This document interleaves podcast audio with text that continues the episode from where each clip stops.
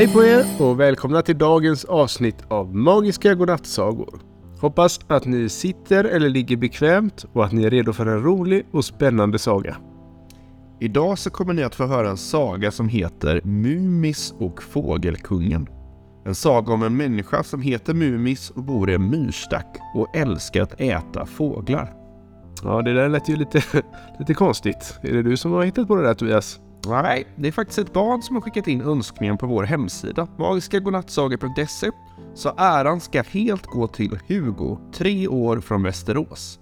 Och på tal om ära så får du Niklas den stora äran att sätta igång Aida, vår AI-assistent. Tack för det. Nu trycker jag på knappen.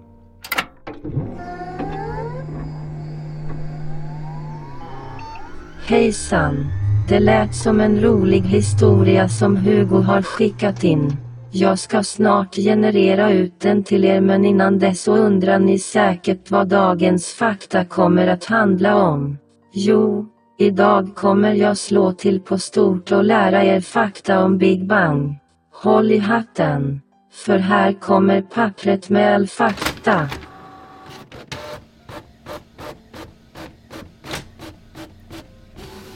Tack Aida. Här kommer fem fakta om Big Bang.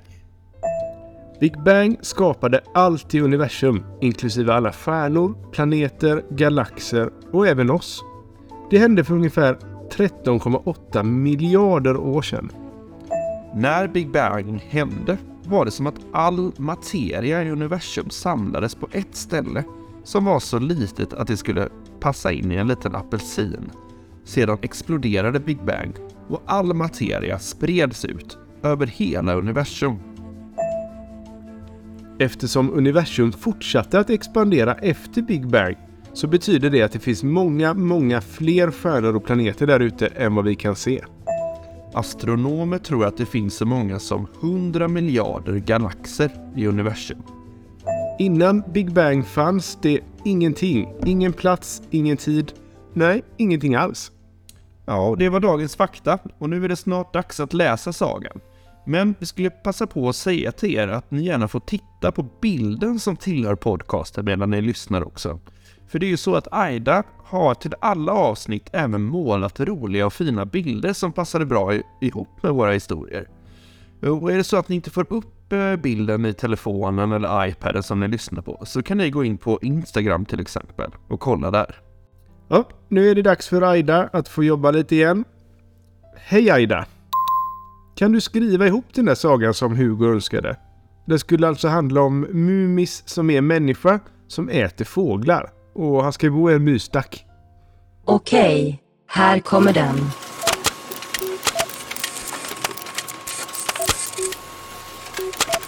Då ska ni få höra sagan om Mumis och Fågelkungen. Det var en gång en människa som hette Mumis som bodde i ett land långt borta. Han älskade inget hellre än att jaga fåglar och äta dem.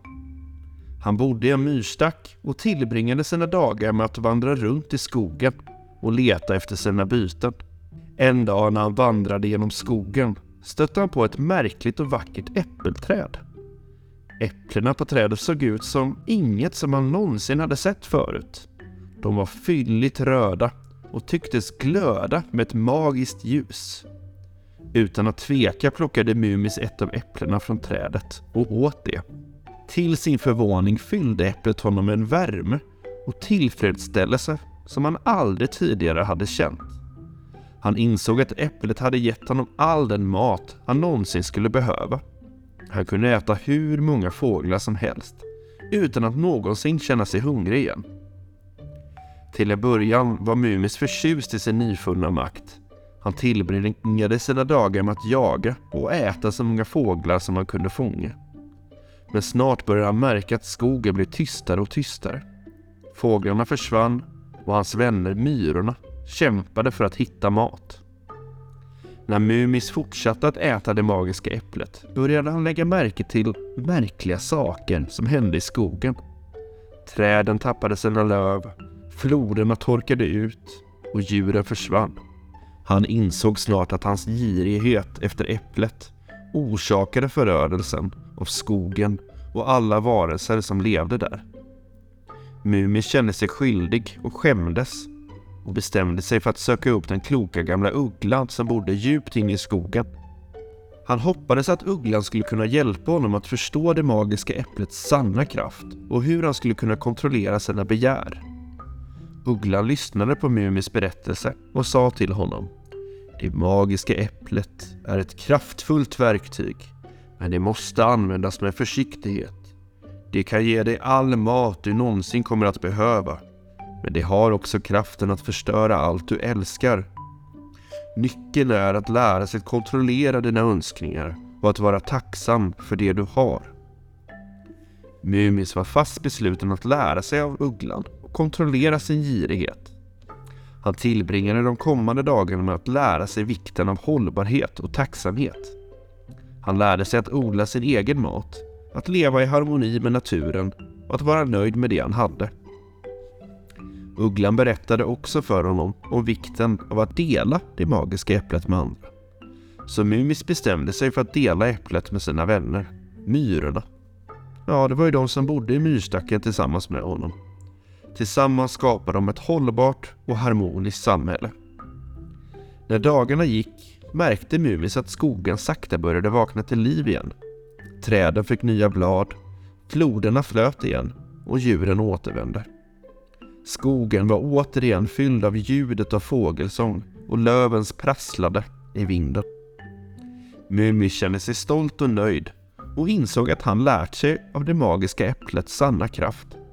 Han visste att han kunde använda det för att skapa ett bättre liv för sig själv och för skogens varelser.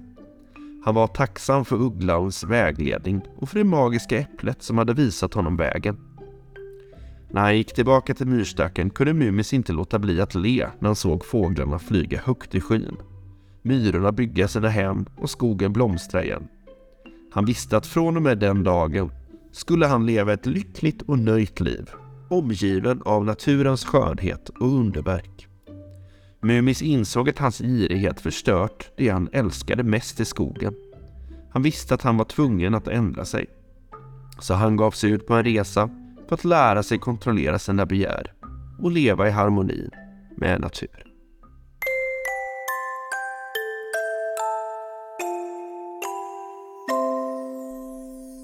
Ja, tack för att du önskade just denna saga Hugo.